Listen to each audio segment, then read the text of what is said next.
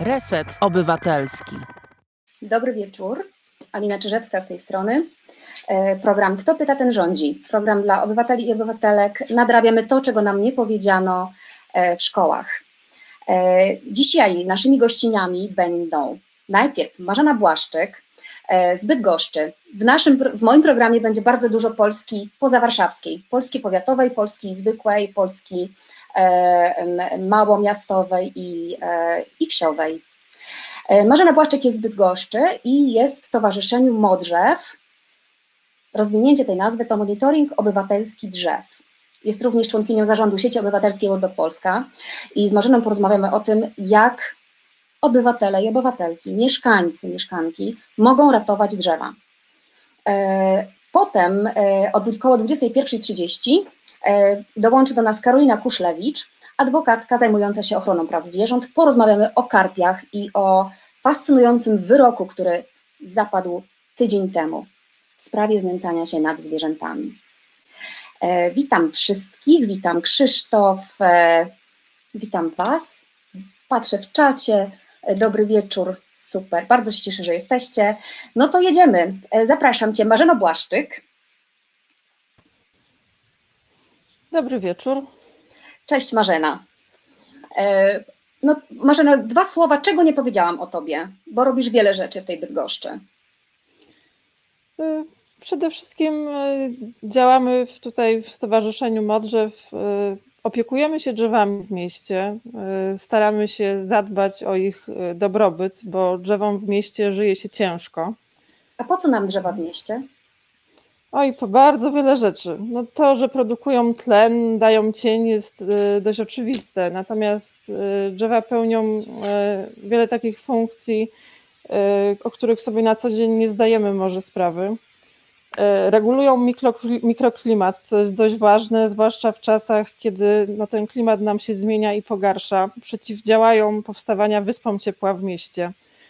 Poprawiają retencję wody, czyli zatrzymują opady deszczu jeżeli są takie bardzo intensywne opady, które się nam coraz częściej zdarzają w ostatnich latach, to drzewo, które ma dużo liści, y, obszerną koronę, potrafi tą wodę spowolnić, zmagazynować i oddać do ziemi wtedy, kiedy się robi sucho, kiedy ta woda jest bardziej potrzebna.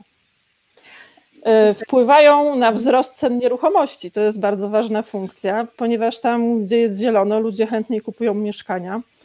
I y, co też warto podkreślić, y, drzewa, które rosną y, w odległości 2-3 metrów od budynku, działają jak naturalna klimatyzacja, dzięki czemu mieszkańcy mniej płacą, jeżeli mają klimatyzację latem, za prąd.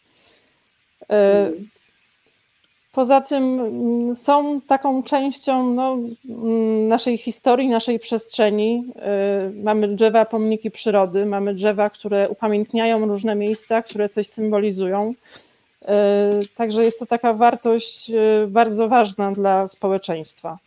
No i poza tym wszystkie te wartości takie mm, biologiczne, bo no, drzewo w mieście to jest cały ekosystem, który daje przeżyć e, owadom, ptakom, e, daje materiał dla zapylaczy, dla pszczół na miód, e, a przede wszystkim jest to coś, co pozwala nam się zrelaksować, odpocząć i działa też antystresowo co uważam jest jedną z najważniejszych funkcji. Mhm. Tutaj pojawiają się na dole Wasze komentarze. Ewka Marchewka napisała to coś dla mnie, bo w moich okolicznych lasach i w moim mieście ostatnio prowadzona jest wyżynka drzew. Ewko, a gdzie to jest? W jakim, e, w jakim mieście? Jakbyś mogła tutaj nam napisać. E, mm, I, a, i właśnie i Robsona w Kędzierzynie Koźlu, pozdrawiam, mam tam sprawy różne. Mieszkańcy naklejali na drzewa kartki typu daje cień, moja zielona korona daje schronienie ptakom. Udało się w ten sposób uratować wiele drzew. Podpowiadam, to jest świetny y, temat, interesujący y, dla gazet i poza tym zwiększający też świadomość społeczną na temat drzew. A jeżeli świadomość społeczna rośnie, to władze mniej robią zamachów na to, co dla nas jest ważne. No to Marzeno, co znaczą te kropki na drzewach? Kiedy się niepokoić? Kiedy dochodzi do wyżynki? No i tutaj to bardzo różnie, bo to tak naprawdę nie jest uregulowane w żaden sposób. Y, są jakby dwie różne kategorie symboli. Jedna z tych kategorii to są takie symbole, którymi się posługują leśnicy i one tam są dość rozbudowane, powiedzmy, nie będziemy w to wchodzić. Natomiast to, co najczęściej możemy spotkać w mieście, no to tak, y, pojawiają się czasem na drzewach różnego rodzaju cyfry, numery, y, czasem też litery. Kolorowe. To oznacza, tak, y, naniesione taką farbą, no, najczęściej pomarańczową, różową, zieloną, bijącą po oczach. To oznacza po prostu, że zrobiono inwentaryzację drzewostanu w naszej okolicy. Nie oznacza to od razu wycinki.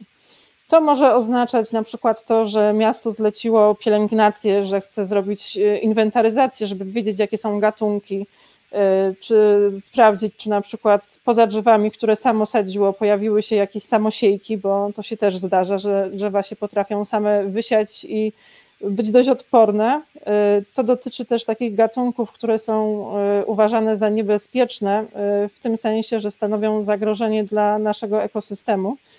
Y, po prostu przyjechały do Polski y, z innych kontynentów. Daglezje? Y, na przykład klony jesionolistne mhm. albo bożodrzewy i są na tyle mm, ekspansywne, że rozrastają się kosztem drzew, które naturalnie występowały w naszym środowisku. I teraz tak, one stanowią niewątpliwie zagrożenie jeżeli chodzi o parki narodowe, krajobrazowe. Natomiast one, y, teraz przyrodnicy tutaj się pewnie ze mną nie zgodzą, bo też o to toczymy boje w stowarzyszeniu, ale takie drzewa nieraz bardzo dobrze adaptują się do warunków miejskich i potrafią wiele korzyści miastu oddać.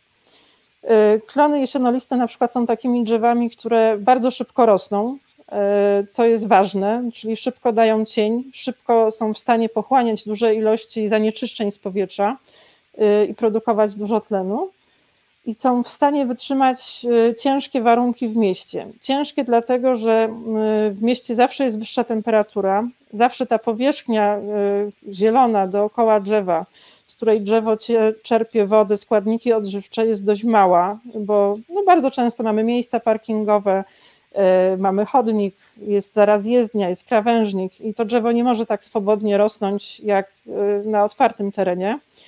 Plus problemem jest również usytuowanie względem e, stron świata i dostęp do światła. Stąd niektóre drzewa się nachylają w określonym kierunku i mimo tego, że rosną pod jakimś kątem, no to nie grożą raczej przewróceniem się, tylko one po prostu poszukują światła, e, chcą się odżywiać, chcą rosnąć. I yy, A te kolory na kolory, A, kolory kropek. Kiedy się niepokoić? Niepokoić się możemy, kiedy pojawią się jakieś krzyżyki bo to najczęściej oznacza to, że drzewo jest przeznaczone do wycinki.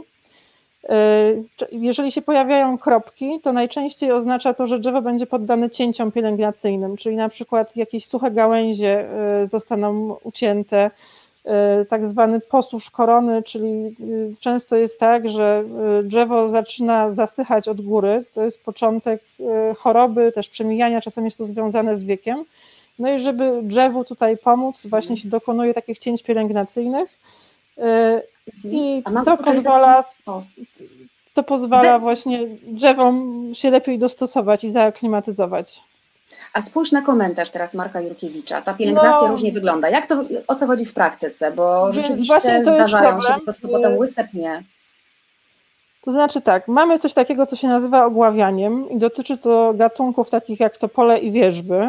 E, to jest jakby ścięcie zupełnie od góry drzewa i to drzewo potem wypuszcza e, liście i normalnie odrasta. I to jest taka praktyka pielęgnacyjna, która powinna być stosowana tylko i wyłącznie w tych dwóch gatunkach, ale też nie za każdym razem. To się wiąże z tym, że to są takie gatunki, które potrafią być dość kruche, podatne są na e, silne wiatry i w ten sposób się zabezpiecza, żeby to drzewo za bardzo nie urosło. Ono się robi po prostu coraz bardziej e, obszerne, grube, przyrasta pień i wypuszcza liście. Natomiast nie jest zbyt wysokie, zwłaszcza właśnie z tego powodu, żeby się nie przewróciło w trudnej sytuacji pogodowej. Natomiast przy wszystkich innych gatunkach takie postępowanie jest niewskazane. E, generalnie przepisy mówią o tym, że można maksymalnie usunąć tylko 30% korony drzewa. Jeżeli jest usunięte powyżej 30% drzewa, możemy taki przypadek y, zgłosić do Urzędu Miasta i złożyć wniosek o naliczenie kary administracyjnej. A czy możemy Bardzo jakoś zapobiec? Widzimy, że nam rżną drzewo, gałęzie pod, pod, pod oknem. No i Co możemy w tej jest- sytuacji zrobić? Znaczy te gałęzie na przykład pielęgnacyjne, Mhm. tak? Ale widzimy, że y, rżną po całości. Co, co w tej sytuacji możemy zrobić? Zadzwonić do urzędu i upewnić się, że jest to uzgodnione z urzędem, że faktycznie trwają jakieś prace pielęgnacyjne. Jeżeli to są, e, jeżeli to się dzieje na terenie spółdzielni albo na terenie wspólnoty, e, też zadzwonić do wspólnoty czy do spółdzielni, do zarządu, się upewnić, że to było zaplanowane. E, W przypadku, kiedy już to drzewo zostanie okaleczone, no zawsze możemy zgłosić takie coś do e, Straży Miejskiej, bo to jest wykroczenie, niszczenie e, zieleni i przyrody. Możemy też właśnie zawnioskować o tą karę administracyjną, no a w skrajnych przypadkach zawiadomić prokuraturę o podejrzeniu popełnienia przestępstwa. Mhm. Y, Zobacz, tutaj w komentarzach jest, mm, ja robię szczepki drzew owocowych, jabłoń, czereśnie, orzechy i sadzę w lasach na nielegalu. Moim zdaniem nie robię nic złego. Czy gościni może się do tego odnieść? Plus poziomki. Y, Jeżeli to nie są y, rezerwaty, to y, tak naprawdę no, lasy, te w większości, z którymi mamy kontakt, nie są tak naprawdę takimi lasami dzikimi, tylko są lasami hodowlanymi. I tam większość drzew jest dobierana pod to, żeby stać się takim produktem w przyszłości.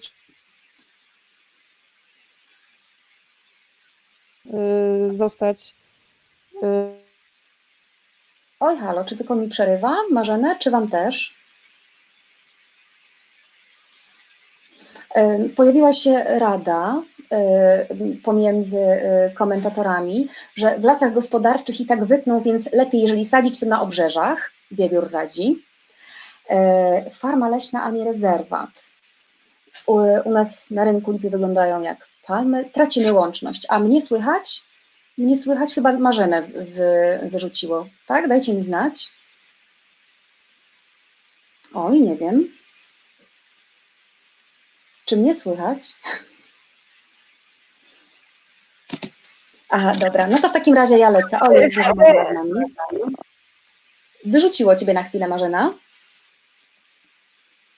Więc jeżeli mówiłaś coś istotnego, to dobra, to słuchajcie, wiecie co, w takim razie y, z takiego mojego punktu, e, bo to wiadomo, panią redaktor, dziękuję, to ja, mm, tak się trochę śmieję, bo ja tak naprawdę nie jestem redaktorką, dziennikarką. Moja pierwsza tożsamość to aktorka, obecnie na, na urlopie, że tak powiem, na wstrzymaniu, o, na wstrzymaniu raczej, a pracuję w sieci obywatelskiej Różdok Polska. E, Jeżeli chodzi o dzwonienie do Straży Miejskiej, e, no mam z tym takie swoje doświadczenia i to zazwyczaj jest tak, że e, ciężko jest wyegzekwować jakąkolwiek reakcję, no bo bywa tak, że się panom nie chce. Dlatego możemy na przykład poprosić, napisać w ślad za naszym zgłoszeniem maila, żeby był ślad. Wtedy Straż Miejska widzi, oj, będzie ślad, będę musiał coś z tym zrobić. Dobra, Marzeno, jesteś z nami już? Mam nadzieję, że tak, ale chyba Dobra, ja Cię widzę. Dobra, ja Ciebie widzę i Ciebie słyszę. E, mm, pamiętasz, na czym skończyłyśmy? Aha, E, to było dzwonienie o prokurat, do prokuratura, do Straży Miejskiej. E, a co mówić wtedy w tym telefonie? Proszę o natychmiastową interwencję, czy, czy co Znaczy tak, mówić? jeżeli się, jeżeli się upewnimy już, że y, jest to robione nielegalnie, to y, najlepiej poprosić y, o przyjazd, ale równocześnie dokumentować to, co się dzieje. Y, Czyli robić zdjęcia, jeżeli ktoś przyjechał jakimś samochodem, zrobić zdjęcie numeru rejestracyjnego, y, po prostu spróbować jak najwięcej udokumentować. I tutaj też jest bardzo pomocne to, że mamy w tym momencie do dyspozycji takie programy jak mapa Google'a, gdzie są bardzo często zdjęcia satelitarne, czy jest y, Street View, na którym można zobaczyć, jak drzewo wyglądało. Bo ważne tutaj też jest to, żeby udokumentować, że to drzewo na przykład było duże, było dorodne, y, było zdrowe, nie było jakieś tam połamane, uszkodzone i te materiały nam mogą y, w tym pomóc. Także Mhm. A co można zrobić w momencie, kiedy jest poszerzana droga, albo nie wiem, coś będzie prowadzone. U nas na przykład w Gorzowie Wielkopolskim był wielki remont ulicy Kostrzyńskiej, e, żeby było nowocześnie, no i w ramach nowoczesności wyrżnięto Aleję Lipową. Aleje Lipowe mają się bardzo źle w ogóle, jeżeli chodzi o szanowanie przez władze e, samorządowe. Co można zrobić, na którym etapie można coś zrobić i jak można zablokować, jeżeli coś się wydarza? To jest właśnie bardzo trudny problem, bo czasem ciężko się jest mieszkańcom dowiedzieć o tym, że jakaś inwestycja jest planowana. Niestety, no my się tutaj staramy śledzić e, informacje w biuletynie informacji publicznej o tym, jakie są przetargi przygotowywane, e, ale też e, staramy się śledzić wykazy, w których jest zawarta zebrana informacja o środowisku. Y, przepisy ustawy o udostępnianiu informacji o środowisku nakładają y, taki obowiązek, żeby urząd publikował na swojej stronie elektroniczny wykaz dokumentów, które są informacją o środowisku. I takimi dokumentami są na przykład decyzje dotyczące wycinek, ale też wnioski, y, które są kierowane do urzędu po wycinka. I jeżeli chodzi o inwestycje, no to takie wnioski powinny y, znaleźć się w Biuletynie Informacji Publicznej. Y, powinien tam być numer sprawy, który został nadany przez urzędników, miejsce inwestycji, w której ona będzie przeprowadzana.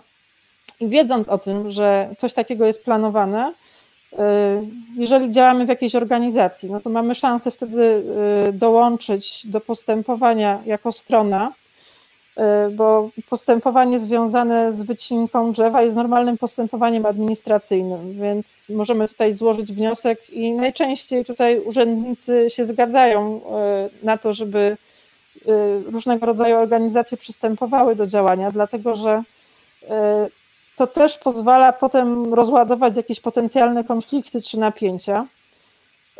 Druga rzecz jest taka, że My chcemy zachęcać teraz i jaki mamy pomysł na to, żeby przy takich inwestycjach, bo nieraz no jakaś inwestycja jest po prostu konieczna, nie przeskoczy się czegoś, nie wyburzymy miasta, żeby drogę poszerzyć, y, no a z jakiegoś powodu czasem coś trzeba przebudować, y, żeby takie drzewa przesadzać po prostu. Tylko, że często chyba zdarza się, może no nie wiem, czy y, tutaj masz podobną obserwację, że jednak mm, przynajmniej do niedawna w tych projektach przebudowy, poszerzania te drzewa nie były priorytetem. Raczej priorytetem była wygoda, szybkość inwestycji, szybkość przeprowadzenia, prosto. Nie żeby tam kręcić, tylko żeby prosto. Nie mm. była i nie jest, i raczej ja bym powiedziała, że to przesadzanie drzew to jest na razie no, sporadyczne przypadki. Zdarzają się przy dużych e, inwestycjach prowadzonych przez banki, przez jakichś naprawdę dużych deweloperów, którym zależy na pewnym prestiżu. Takie były przypadki w Warszawie. Zdarzają się też miasta, już takie przypadki były w Gdyni, w Sosnowcu, gdzie e, miasto prowadząc inwestycje zdecydowało o tym, żeby na czas inwestycji przesadzić drzewa, albo przesadzić te drzewa po prostu do parku, który powstaje w innej części miasta. W Sosnowcu ostatnio y, już planowano budowę, y, teraz nie powiem, y, co to za budynek użyteczności publicznej, natomiast przed, przed przystąpieniem do budowy przesadzono z miejsca, gdzie ten budynek ma stanąć, około 20 drzew. I to nie były wcale małe drzewa, tylko takie 40-50-letnie. Są firmy specjalistyczne, posiadają odpowiedni sprzęt, które są w stanie przesadzić nawet y, drzewa y, bardzo duże.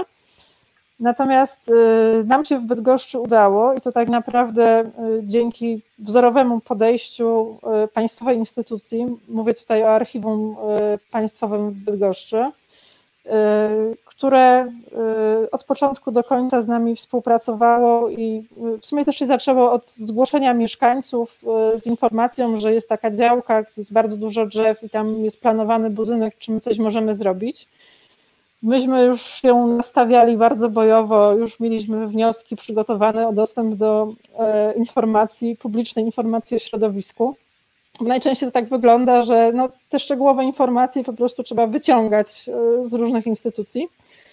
E, tymczasem skontaktował się z nami pracownik i e, zapytał, co my chcemy zobaczyć. Udostępnił nam wszystkie dokumenty. W następstwie udało nam się tam spotkać na tej działce razem z naszymi ekspertami, przyrodnikami, którzy wytypowali większe drzewa do przesadzenia. I potem zrobiliśmy zbiórkę. No generalnie jesienią udało nam się 11 takich większych drzew przesadzić i przygarnęli je mieszkańcy z różnych stron miasta.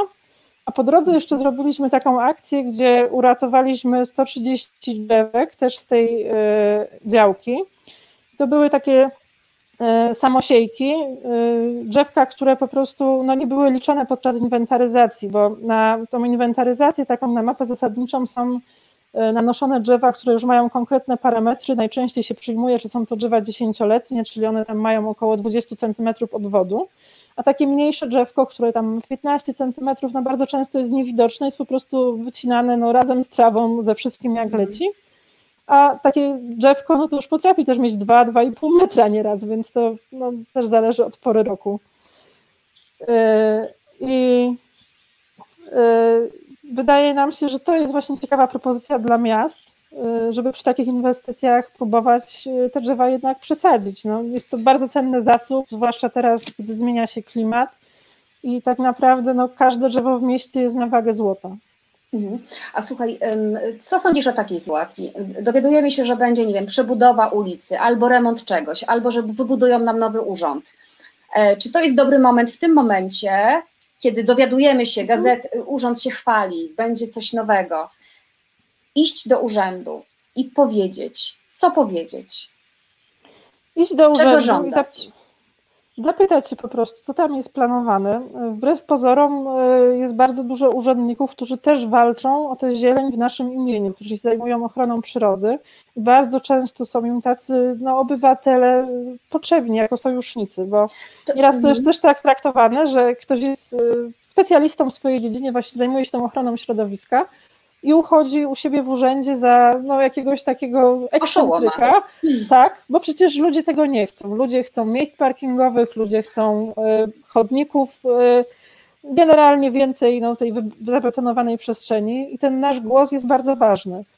I pójść do tego urzędu, napisanie zwykłego wniosku, zwykłego maila czasem, no potrafi uruchomić całą lawinę, która pozwoli różne rzeczy pozmieniać, zabezpieczać. Y, miasta też chcą się teraz chwalić tym, że są zielone, że są przyjazne mieszkańcom, więc a nuż okaże się, że się te drzewa uda uratować. Mhm. E, też chciałam tu podnieść właśnie taką rzecz, że istnieje jakieś takie przekonanie, że urzędnicy to są jacyś obcy, niedobrzy, źli ludzie. Pamiętajmy, urzędnicy to są również mieszkańcy miasta i bardzo często na tych niższych szczeblach to są nasi sojusznicy, którzy nie mogą się ze swoją wrażliwością, ze swoją wiedzą e, ekologiczną przebić ponad, no niestety, ja mówię wprost, te betony kierownicze niektóre. Dlatego czasami pomoc, nacisk ze strony mieszkańców jest w stanie przepchać ten beton i włożyć to, e, tą narrację, której oczekują mieszkańcy. Kiedy mieszkańcy się nie interesują, wtedy no właśnie możemy, możemy interweniować na poziomie w ogóle podchodzenia do projektowania, możemy zawnioskować o konsultacje społeczne. Jest ustawa o samorządzie gminnym, która mówi, że w, w sprawach ważnych dla mieszkańców mogą być zorganizowane przez urząd konsultacje. No to wnioskujmy. Ma być? Fajnie, fajnie, że będzie wyremontowana ulica, ale składajmy wniosek. Wniosek mailem wystarczy włożyć w związku z planowanym remontem, czy budową, czy czegoś, bardzo prosimy o konsultacje e, na etapie przed ogłoszeniem przetargu na projekt? Tak? Dobrze mówię? Tak, no, y, to znaczy miasta niektóre inwestycje planują z dużym wyprzedzeniem. Teraz też jest dobry moment, bo niektóre inwestycje po prostu się będą opóźniać z racji tego, że samorządy będą mieć mniej pieniędzy no, przez COVID, przez te wszystkie zmiany związane też z, z podatkami Y, mniej pieniędzy na swoje inwestycje. Y, więc to jest też szansa, żeby się przyjrzeć bliżej temu, co jest planowane. Y, popatrzeć też na przykład na miejscowe plany zagospodarowania przestrzennego, bo tam też jest nieraz zapisane, który teren jest zaplanowany jako teren zielony, gdzie raczej tej ingerencji takiej inwestycyjnej no, nie będzie większej. I po prostu też patrzeć na swoją okolicę powiem szczerze, na przykład y, nieraz też, y, no, gdyby nie mieszkańcy, to nawet y, urzędnicy znają miasto w jakimś sensie gorzej niż mieszkańcy, bo nie mogą być wszędzie. My, jeżeli pokonujemy codziennie jakąś drogę, nie wiem, no, praca, dom, sklep, no to doskonale wiemy, co wygląda, czy coś się zmieniło, czy coś się zmienia na niekorzyść. Mamy taki też tutaj dobry przykład w Bydgoszczy, że mieszkańcom się udało podratować takie drzewa, które miasto zasadziło, ale jak była duża susza, były upały, no to gdyby nie mieszkańcy, nie to, że oni je sami podlewali, to te drzewa by pewnie padły, no bo to nie jest tak, że urzędnicy są w stanie wszystkiego dopilnować, zwłaszcza w jakichś skrajnych sytuacjach, no właśnie takich powiedzmy straszne upały, COVID, no to jednak też wpłynęło na działanie, normalną pracę urzędu i trzeba się włączać po prostu. Tak.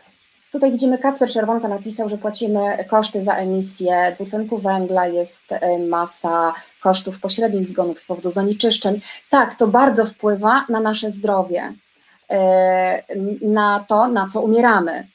E, jeżeli pozbywamy się drzew, to nie, to nie jest bajka, to nie jest wiedza znaczy na poziomie jakiejś infantylnej opowiastki z przedszkola, że, że drzewa mm, oczyszczają powietrze. No, tak jest. I możemy mieć drzewa i te filtry mm, naturalne, albo możemy po prostu no, się udusić tym naszym powietrzem, smogiem. I, e, no i to wszystko się odbija na naszym oczywiście zdrowiu. E, słuchajcie, jeżeli chcecie e, więcej wiedzieć o tym, jak pozyskiwać informacje o wycinkach, też jest prowadzony taki monitoring wycinek gdzieś w lasach, prawda? Monitoring nadleśnictw. E, to o tym chyba i o tym, jak pozyskiwać informacje, e, Marzena jutro opowiada, odpowiadać będzie w, na webinarze o 13.30. E, I teraz poproszę naszą realizatorkę, Asiator, o wklejenie linka do spotkania jutro, do webinaru na sieci obywatelskiej Łożwek Polska. Za chwilę się pojawi może, a jak nie, to ja później wkleję. E, także jeżeli chcecie wiedzieć więcej, wpadajcie jutro na webinar, e, a tymczasem e, Marzena, dziękuję Ci serdecznie.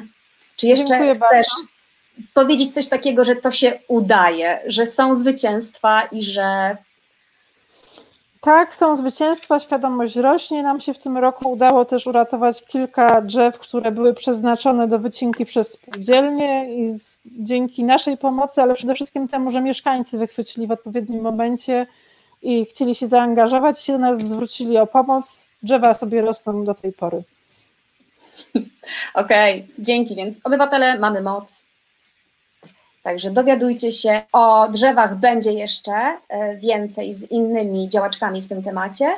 A tymczasem trzymaj się, Marzena, i dzięki serdeczne. Dzięki. Do usłyszenia, do zobaczenia jutro. Dziękuję bardzo. Do zobaczenia jutro. Za chwilkę pojawi się um, link do wydarzenia. O, już jest nawet. E, a teraz um, mam nadzieję, że już e, zasiadła przed monitorem Karolina Kuszlewicz adwokatka zajmująca się ochroną praw zwierząt i przyrody, e, feministka, autorka bloga w imieniu zwierząt.com. Chciałam jeszcze tylko powiedzieć jedną rzecz, że dzisiaj jest Międzynarodowy Dzień Praw Człowieka, e, ale nasze życie i nasze prawa nie mogłyby istnieć i się być realizowane i zabezpieczane, gdyby nie no, to otoczenie, którego jesteśmy częścią, e, czyli i i, i, i drzewa, i zwierzęta. E, także zapraszam teraz Karolinę Kuszlewicz, która od tygodnia była już chyba w każdym, e, w każdym medium e, i opowiada o spektakularnym wyroku sądu, do którego doprowadziła po 10 latach walki a ta walka zaczęła się od zwykłej obywatelki, która 10 lat temu robiła zakupy na święta, czyli dokładnie w tym czasie. Karolina, jakbyś mogła w skrócie opowiedzieć, co się wydarzyło i jak doszło do, do tego, że mamy wyrok i co jest w tym wyroku? E, dobry wieczór. E, cześć Alino, dobry wieczór e, Państwu. No tak, rzeczywiście po 10 latach takiej walki przed sądami w Polsce wszystkich instancji, przed sądami karnymi, bo chodziło o sprawę o znęcanie się nad karpiami, czyli sprawę karną, to jest przestępstwo z ustawy o ochronie zwierząt. Mm, y, postanowiłyśmy właśnie wywalczyć tą sprawiedliwość dla tych zwierząt, ryb, które są od bardzo długiego czasu w Polsce traktowane fatalnie. To znaczy, w zasadzie myśmy się kompletnie przyzwyczaili do tego, że można dręczyć te zwierzęta. To jest norma. Więc ta sprawa e, była e, z jednej strony niezwykle trudna, mm, bo dotyczyła walki z normą, z czymś, co jest oczywiste. Jeszcze powiedzenia, że to jest przestępstwo, e, a z drugiej strony była przez to też pasjonująca, no bo pokazywała, jak prawo zderza się z takimi kulturowymi naszymi przekonaniami, uprzedzeniami, wyobrażeniami. Tutaj jeszcze dochodziła w tym wszystkim przecież tradycja E, świąteczna, święta, e, święta są święte i naruszanie tradycji, choć to nie jest żadna tradycja, ale tak się przyjęło, też no, no jest w pewien sposób wręcz obrazoburcze. E, sprawa ostatecznie w, ostatecznie doszłyśmy do momentu, w którym nastąpiło skazanie w sądzie rejonowym. I choć nie jest to jeszcze wyrok prawomocny, bo skazani mogą się od niego odwołać, pewnie to zrobią, to jest to już i tak absolutnie zwycięstwo historyczne, biorąc pod uwagę całą tą batalię. Zaczęło się od jednej osoby, Renaty Markowskiej, która jest, założyła w 2010 czy 2009 roku, jakoś tuż przed tym, zanim e, ruszyła e, sprawdzać, jak mają się karpie w sklepach, e, założyła fundację Noga w łapę, razem idziemy przez świat. Małą fundację, tak naprawdę jednoosobową, która robi może dobra i w, właśnie w 2010 roku e, ona tak zresztą sama mówi, że już nie czuła się tak bardzo bezsilna, bo wiedziała, że jako organizacja ma prawo bycia stroną w e, postępowaniu, że już nikt nie zamknie jej ostatecznie drogi. E, I poszła sama zmierzyć się z tym, zobaczyła żywe karpie, które są przetrzymywane bez wody, już tak upraszczając tak naprawdę tą sytuację, chyba każdy z nas wie, jak e, te karpie przez lata były traktowane, kojarzymy te trzęsące się reklamówki tego karpia jadącego w tej torbie foliowej w wózku e, i tak cały dalej. czas przez ciocie i babcie, ale tej rybie to nie przeszkadza. To jest takie coś e, chyba, co nam się bardzo utrwala i powoduje no, takie rezygnacja z, z wrażliwości mm, na, na cierpienie i taki właściwie zdrowy rozsądek. Tak, to mierzenie się z tym, e, to mierzenie się też z tym mitem takiej e, e, rozhisteryzowanej kobiety, która właśnie trzęsie się nad jakąś rybą, kiedy my tutaj, ta druga strona w takim rozsądku, spokoju mówi, no ale przecież tak, tak się robi, tak się sprzedaje, o co wam chodzi. To naprawdę wymagało zburzenia tak naprawdę bardzo wielu murów i zaczęło się od jednej kobiety, tak filigranowej Renaty Markowskiej, która poszła do wielkopowierzchniowego sklepu i powiedziała sprawdzam e, i tak dalej, być nie może. E, było jej tam bardzo ciężko, prowadziła nagrania, e, z, próbowała w ogóle rozmawiać ze sklepem, żeby zmienił zasady sprzedaży, to się jej nie udało. I tak naprawdę z każdej strony dostawała mm, z każdej strony były utrudnienia. Mm, sklep nie chciał tego zmienić. Ona w związku z tym przystąpiła do nagrań, bo uznała, że zrobi z tego sprawę. Po prostu, że jest to przestępstwo i musi jakby nagrać to, co dzieje się, e, ten, ten, czyn, ten czyn zabroniony. Więc nagrywała w bardzo nieprzychylnych warunkach. Kazano jej oczywiście wyłączyć kamerę i tak dalej. Sprzedawcy byli wściekli, klienci również byli niezadowoleni i tacy y, niecierpliwi. Chcieli, żeby ona już stamtąd odeszła, bo tak naprawdę jej obecność powodowała niepokój. Być może y, ktoś z nich, tak przypuszczam, że część z nich wiedziała, że gdzieś tam podskórnie czuła, że to jest nie takie, ale dopóki nie było osoby, która w lustrze mogła powiedzieć, no właśnie sprawdzam, co, co robicie, to jakoś można było trwać w tym takim komforcie czynienia zła, którego się nie nazywa no i ona się z tym tam zmierzyła i, e, i od tego się zaczęło wszystko, absolutnie wszystko. Zadzwoniła na policję. Bardzo średnio dostała to wsparcie od policji. Sprawa była dwukrotnie umorzona, ale przez to, że e, no właśnie nie odpuściła na początku i że miała organizację też swoją społeczną, malutką, ale jednak, mogła doprowadzić tę sprawę do etapu skazania. E, a powiedz mi, czy nagrywanie e, jest ok? Czy ja mogę nagrywać? Czy ja muszę się podporządkować temu, że e, ktoś mi mówi, nie życzę sobie, żeby tutaj pani w moim sklepie nagrywała? Jak to wygląda? Mhm. Zasadniczo to, czego nam nie wolno robić, to utrwalać wizerunku osób, osób prywatnych, no, nie funkcjonariuszy publicznych, prawda? I, i, i, i posługiwać się nimi w sieci bez zgody tych osób.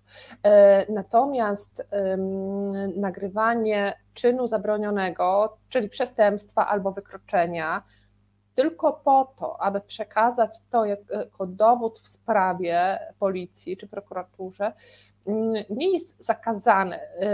Wręcz przeciwnie, my, kiedy e, obywatele i obywatelki, kiedy widzimy, że dochodzi do popełnienia przestępstwa, przypuszczamy, przecież my też nie jesteśmy e, e, organami władzy, żeby tutaj rozstrzygnąć natychmiast, ale przypuszczamy to my mamy tak zwany społeczny obowiązek w ogóle zawiadomienia organów ścigania policji o tym i, jeśli mamy możliwość udokumentowania tego, to powinniśmy to robić. Mhm. E, to jest w ogóle też bardzo ważna, cenna informacja o tym, e, z tym nagrywaniem, e, ponieważ to dotyczy oczywiście mnóstwa innych sytuacji. Kiedy widzimy, że jest jakaś nieprawidłowość, my zawsze mamy prawo nagrywać. Jeżeli ktoś nam mówi, że sobie nie życzy, no to, no to się myli. No, no, no, to, no to zawsze można zapytać, a jaka jest podstawa prawna, że pan mi tego zakazuje? Ktoś może odpowiedzieć RODO, no to powiedzmy, ale RODO wcale o tym nie mówi. I, I dalej róbmy swoje. Także te wszystkie straszenia, że nie wolno, to jest, no to jest jakaś mitologia prawna, która w Polsce bardzo dobrze funkcjonuje. A Karolina, co jeszcze możemy zrobić oprócz nagrać? Czy możemy do kogoś zadzwonić i do kogo? E, tak, jeszcze tylko jedną rzecz powiem o tym nagrywaniu. Czasami sklepy wprowadzają, w, bardzo często mają sklepy w swoich regulaminach oczywiście zakazy, zakazywanie nagrywania w natomiast no, to, jest pod, to jest w sytuacji, w której dochodzi do naruszenia prawa absolutnie nieskuteczny przepis. E, e, regulaminy muszą być zgodne z prawem powszechnie obowiązującym, więc no, tam, gdzie mamy po prostu podejrzenie, że dzieje się coś złego, no to przymykanie no to oka tylko dlatego, że tak jest napisane w regulaminie sklepu, już nawet abstrahując od prawa, jest po prostu nielogiczne. Więc co, co, dalej, co dalej możemy zrobić? Od ścigania przestępstw i wykroczeń w Polsce jest policja. E, I bardzo, bardzo zachęcam e, Was do tego, żeby e, w takich sytuacjach, kiedy widzimy karpie trzymane bez wody w jakichś przepełnionych basenach, widzimy, że te ryby są zakrwawione, że są jakoś brutalnie chwytane, no generalnie, że dokonywana jest w stosunku do nich przemoc, to, to niestety się dzieje na całym tym etapie ich sprzedaży detalicznej to żeby dzwonić na policję. I to ma takie dwa dla mnie aspekty, to dzwonienie na policję. Po pierwsze, ma taki aspekt, że no, żeby ta sprawa w ogóle miała jakiś, jakiś dalszy bieg, to rzeczywiście musi nastąpić zgłoszenie, e, bo to jest przestępstwo, znęcanie się nad zwierzętami z przestępstwem ściganym z urzędu. W związku z tym, no, oni jak mają informacje, no to coś muszą z tym zrobić. Na, nawet jeśli mają e, odmówić wszczęcia postępowania, to muszą takie postanowienie w tym zakresie wydać potem organizacja może je też zażalić. E, więc w ogóle, żeby rozpocząć tę sprawę i ścigać tych, którzy to zrobili, dopuścili się krzywdy zwierząt, trzeba zawiadomić policję. Ale drugi aspekt jest taki, że zawiadamiajmy policję w sprawach zwierząt, a w sprawach karpi szczególnie, dlatego że e, musimy oczekiwać e, od policji reagowania. To nie jest tylko test na to czy społeczeństwo, poszczególni, poszczególni sprawcy e, poczują się do odpowiedzialności, czy jakoś na nich zrobi wrażenie ten przyjazd policji, ale to też jest w ogóle test dla policji, dla organów, dla organów ścigania, bo tak naprawdę to mamy w Polsce w stosunku do karpi, to też jest pod tym względem ciekawa sprawa, nieprawdopodobny, gigantyczny festiwal lekceważenia prawa, trwający przez lata, ustawa mówi wprost, że znęcaniem się nad zwierzętami jest transport bądź ich przetrzymywanie bez wody, y, y, ryb, w odniesieniu do ryb, transport bądź przetrzymywanie ryb bez wody. I teraz co, mamy taką ustawę, a policja często nawet nie chce przyjąć zgłoszenia. W ogóle ta formuła, że jakby to nie jest zgłoszenie. Człowiek dzwoni i mówi, że dochodzi do popełnienia przestępstwa i policja musi na to zareagować. I my tym, e, e, my tym czynem jakby nie tylko mamy walczyć o te, e, o, walczyć ze, ze sprzedawcami, ale my niestety musimy odbyć trochę taką walkę z policją. W ogóle zmusić ich do tego, że oni mają wykonywać swoją pracę bo to nie, Rata, nie Renata Markowska, która razem ze mną przez 10 lat walczyła w sądzie, powinna tę pracę wykonywać, tylko powinna ją wykonać policja, a później prokuratura, która w tej sprawie po prostu umyła ręce.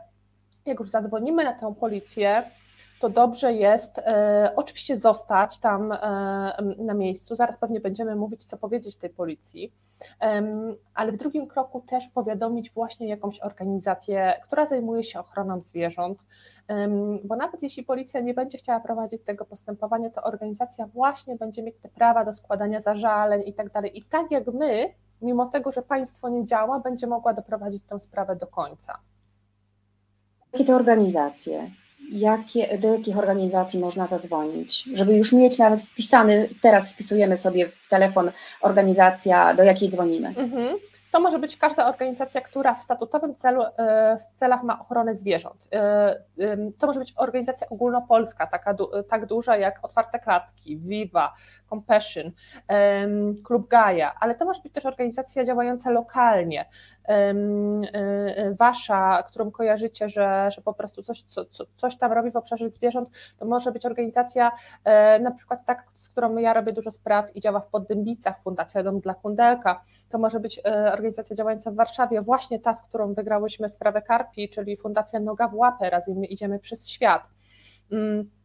Zachęcam też bardzo do angażowania tych swoich lokalnych organizacji y, w, w, w to, bo też ten wpływ na, na, na tą lokalność, na to, co się dzieje, e, jest, jest, jest wtedy większy.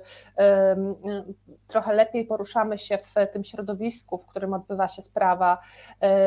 Można też jakby równolegle oddziaływać prawnie i próbować oddziaływać społecznie na to, więc też to też jest taki moment, w którym warto nawiązywać relacje po prostu ze swoimi organizacjami, które są gdzieś wokół Was. Karoli, y, Karolina, a konkret, y, czyli tak, wybieram, no aha, ja bym, nie wiem czy dobrze, ale ja bym nie, nie zadzwoniła na 112 ani 997. Wyszukałabym raczej jakiś numer w Google'ach komendy lokalnej. Czy to jest dobra intuicja? Można zrobić i tak, i tak oczywiście. To jest proste, dzwonienie na 112 jest po prostu e, takie no, intuicyjne i proste, bo każdy z nas to pamięta. Wiadomo, że potem, że trzeba przejść wtedy tą ścieżkę, że najpierw opowiadamy w ogóle o co chodzi w tej sprawie, oni wybierają tak, do jakiej służby to należy przyporządkować, więc ten kontakt jest trochę bardziej pośredni. Mm. Można też oczywiście zadzwonić do mm, tego komisariatu policji, który jest najbliżej E, czyli tak zwane, mówi na to, że jest właściwy miejscowo. E, zadzwonić po prostu na dyżurkę i opowiedzieć, co się dzieje i poprosić o przyjazd policjantów. Z mojego doświadczenia wynika, że jeżeli dzwonię na 112, to raz, długo czekam, dwa, ten dyspozytor ze 112 i tak łączy mnie z jakąś miejscową komendą. Więc skracając chyba e, czas oczekiwania można od razu założyć, żeby dzwonić gdzieś na komendę, a jeżeli e, policjant będzie chciał nas zbyć, ja mam taki sposób. Czy mogę prosić jeszcze raz pana i nazwisko, chciałabym to zanotować. Mhm. E, I już taka odpowiedzialność personalna powoduje, że ta osoba po drugiej stronie, której czasami się nie chce i chce nas zbyć, bo przecież karpie to nie jest problem, I w, te, w, tej sytuacji e, no, my możemy jednak coś, coś uzyskać. A jeszcze gdyś powiedziała, podaj mi tekst. Dzwonię i mówię, dzień dobry. I co dalej? Mhm. Dzień dobry, e, nazywam się Karolina Kuszlewicz. Jestem w sklepie w Warszawie przy tej i przy tej ulicy. I właśnie e, jestem bezpośrednim, e, e, bezpośrednim świadkiem, świadkinią tego, jak, jak sprzedawcy dopuszczają znęcania się nad karpiami. Zachodzi tutaj podejrzenie przestępstwa, dlatego że pakują je do worków foliowych bez wody, trzymają je w skrzynkach na ladach bez wody, te ryby wypadają, obijają się w myśl ustawy o ochronie zwierząt to jest przestępstwo. E, nagrywam to, e, sprzedawcy nie reagują na prośby, aby tym rybom wodę dostarczyć. E, proszę o przyjazd na miejsce zdarzenia. Będę tutaj na Państwa czekać, żeby umówić się na złożenie zeznań. I chciałam jeszcze powiedzieć Wam coś takiego, że w tym roku możecie mieć na przykład poczucie, nie wiem, porażki, czy tego, że, um, że, że, to, że to jest bez sensu, że i tak się nic nie wydarzyło, że ta policja i tak mnie zbyła. Ale słuchajcie, jeżeli do takich sytuacji będzie dochodziło bardzo często, ponieważ każdy będzie zwracał na to uwagę, albo nawet jako my, jako klientki, jako klienci, będziemy mówili, wie pan co, kupiłabym karpia, ale nie żywego to możemy spowodować zmianę, która zaprocentuje już za rok, że zmieni się ta moda konsumpcyjna, nie wiem jak to nazwać, że klienci już nie chcą żywych karpi, że to się stało e, wyrazem takiej jakiejś naszej, naszego okrucieństwa. I dlatego no, ci dostawcy, sprzedawcy dostosują się do naszych oczekiwań, tylko my musimy zacząć je e, wyrażać. Mm, a powiedz mi, co jeszcze mogłoby być następnym krokiem dla e, polepszenia tego traktowania y, karpi, ryb, zwierząt w związku ze świętami. Co takiego mogło, moglibyśmy sobie wymyślić, żeby zadziało się za rok? Do czego, jaką zmianę my moglibyśmy, moglibyśmy spowodować? Znaczy to, czego e, na pewno my możemy, e, możemy żądać, o co możemy walczyć, żeby ta sytuacja się tak e, diametralnie poprawiła, nie, nie tylko jako, nie tylko na tej drodze takiej procesu ciężko wychodzonego, ale żeby jednak już zrobić kolejny taki mocny krok, hmm, to żądać wprowadzenia mm, zakazu sprzedaży żywych ryb, detalicznego sprzedaży, y, y, y, detalicznej sprzedaży żywych ryb na potrzeby konsumpcyjne, bo musimy sobie zdać sprawę z tego, że to jest jedyna sytuacja, ten jedny nieszczęsny karp, jedyna sytuacja zwierzęta, zwierzęcia kręgowego, w której możesz pójść do sklepu, nie mając żadnego doświadczenia w, w, postępowaniu z takim zwierzęciem, z rybą, nie mając żadnego doświadczenia w zabijaniu zwierząt kręgowych, w tym jak przerwać mu ten narodzenie kręgowy, możesz pójść, wziąć tam rybę, e, a potem w domu robić z nią dowolne rzeczy, trzymać ją w wannie z nachlorowaną wodą, w misce, a potem tuczkiem, wałkiem, czy co tam w domu jest, tą rybę po prostu zwykle nieudolnie tłuc.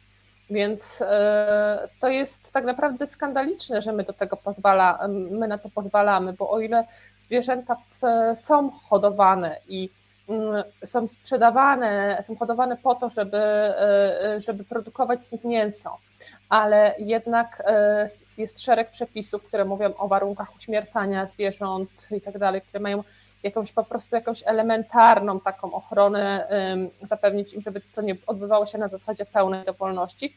W przypadku karpi mamy właśnie taką pełną dowolność, więc to, co możemy, to, to czego na takim poziomie już e, e, centralnym powinniśmy o co walczyć, to właśnie o wprowadzenie, o wprowadzenie takiego zakazu sprzedaży żywych karpi do celów e, detalicznych, konsumpcyjnych.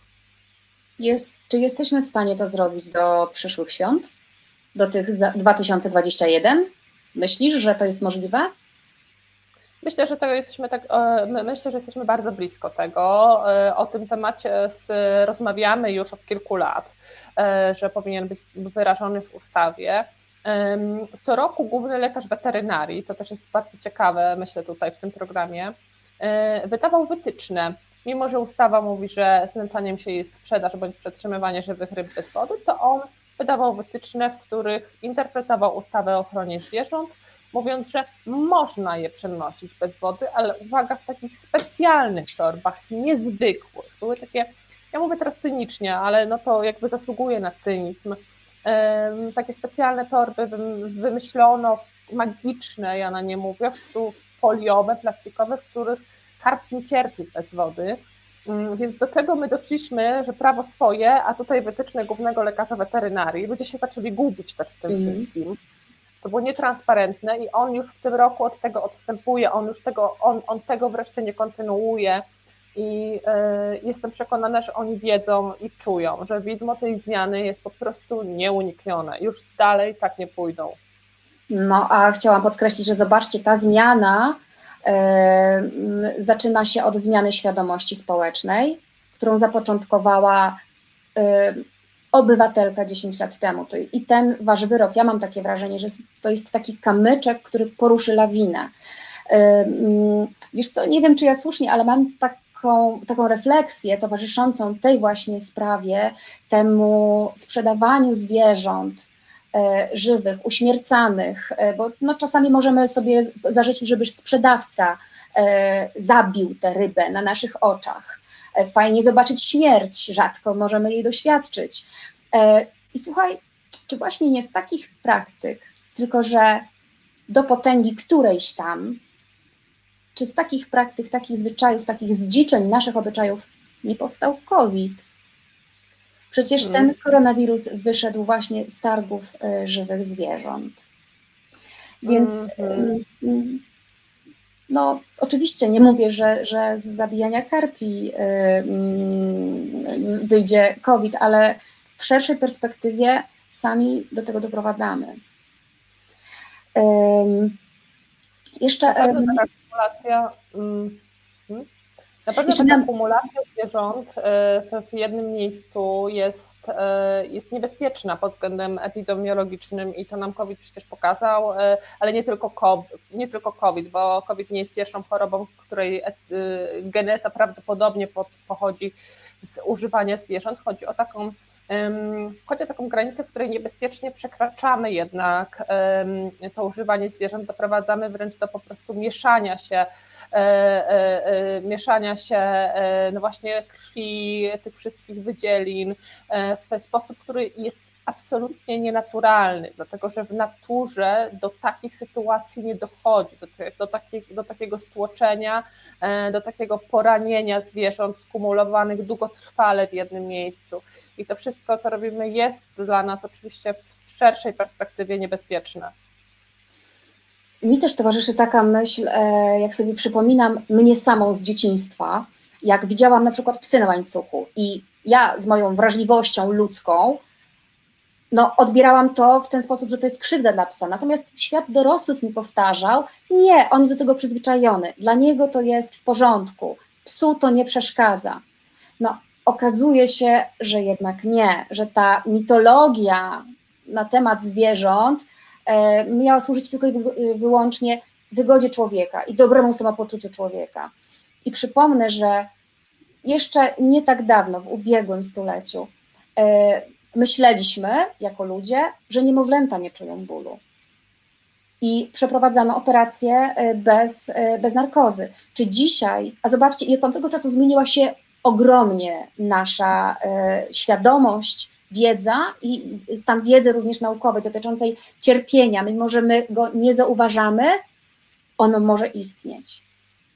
E, i być przeżywane. Dzisiaj już nikomu by nie przyszło do głowy, żeby robić operację e, bez nieczulenia na, na, na niemowlaku.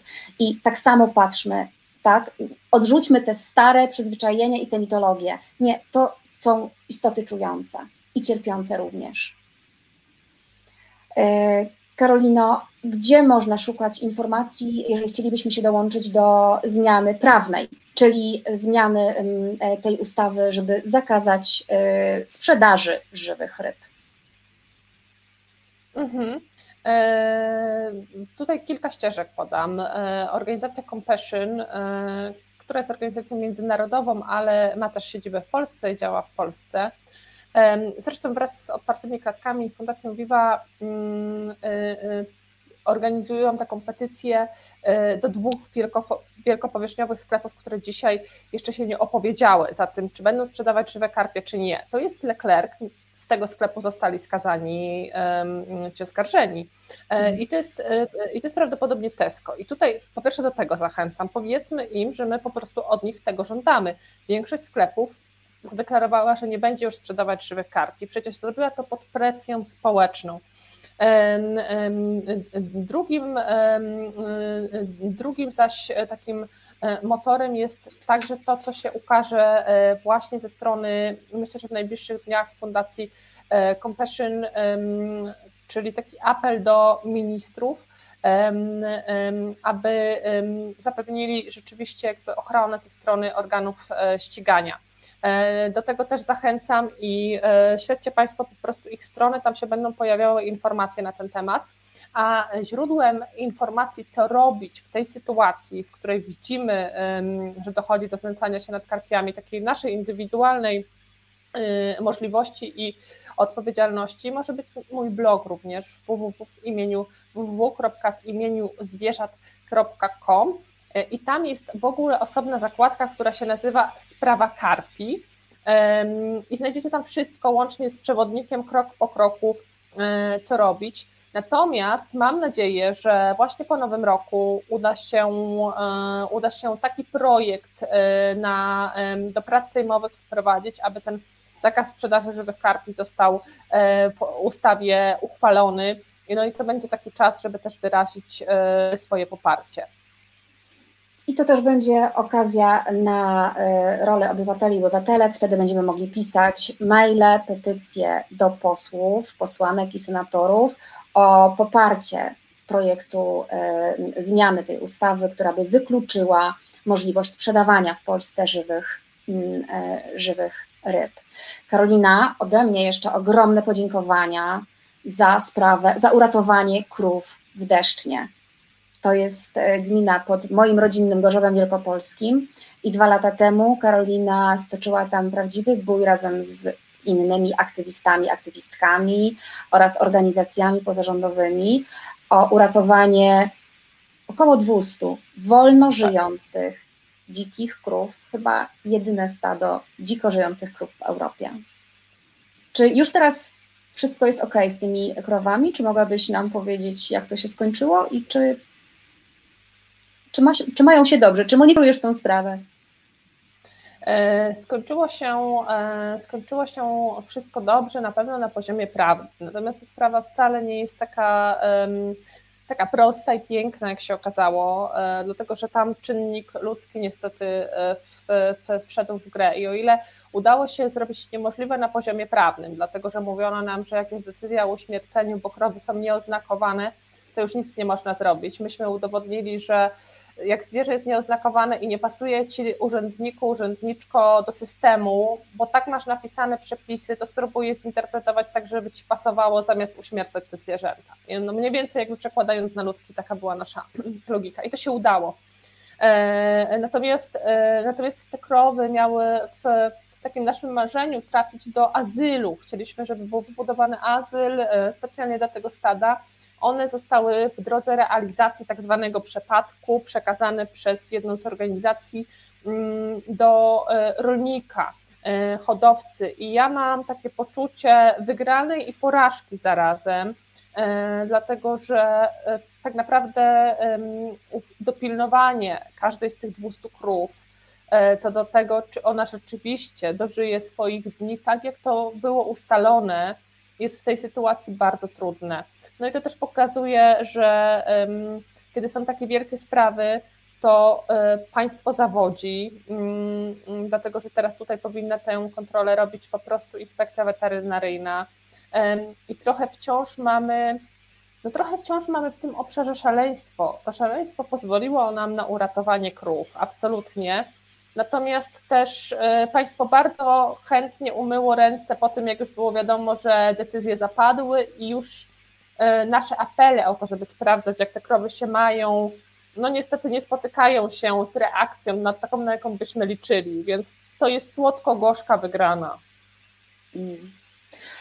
No, mamy nadzieję, że przy kolejnych, w kolejnych bitwach e, będzie e, sukces bardziej taki radosny i jednoznaczny niż w przypadku krów z deszczna. Tutaj jest komentarz, to ta pani od stada krów, wow, szacunek. To dla Ciebie, Karolino. E, no Dziękuję. i Adrian Jasiński napisał, e, że, że płoszenie, bicie młotkiem, trzymanie bez wody powinno być bezwzględnie zakazane.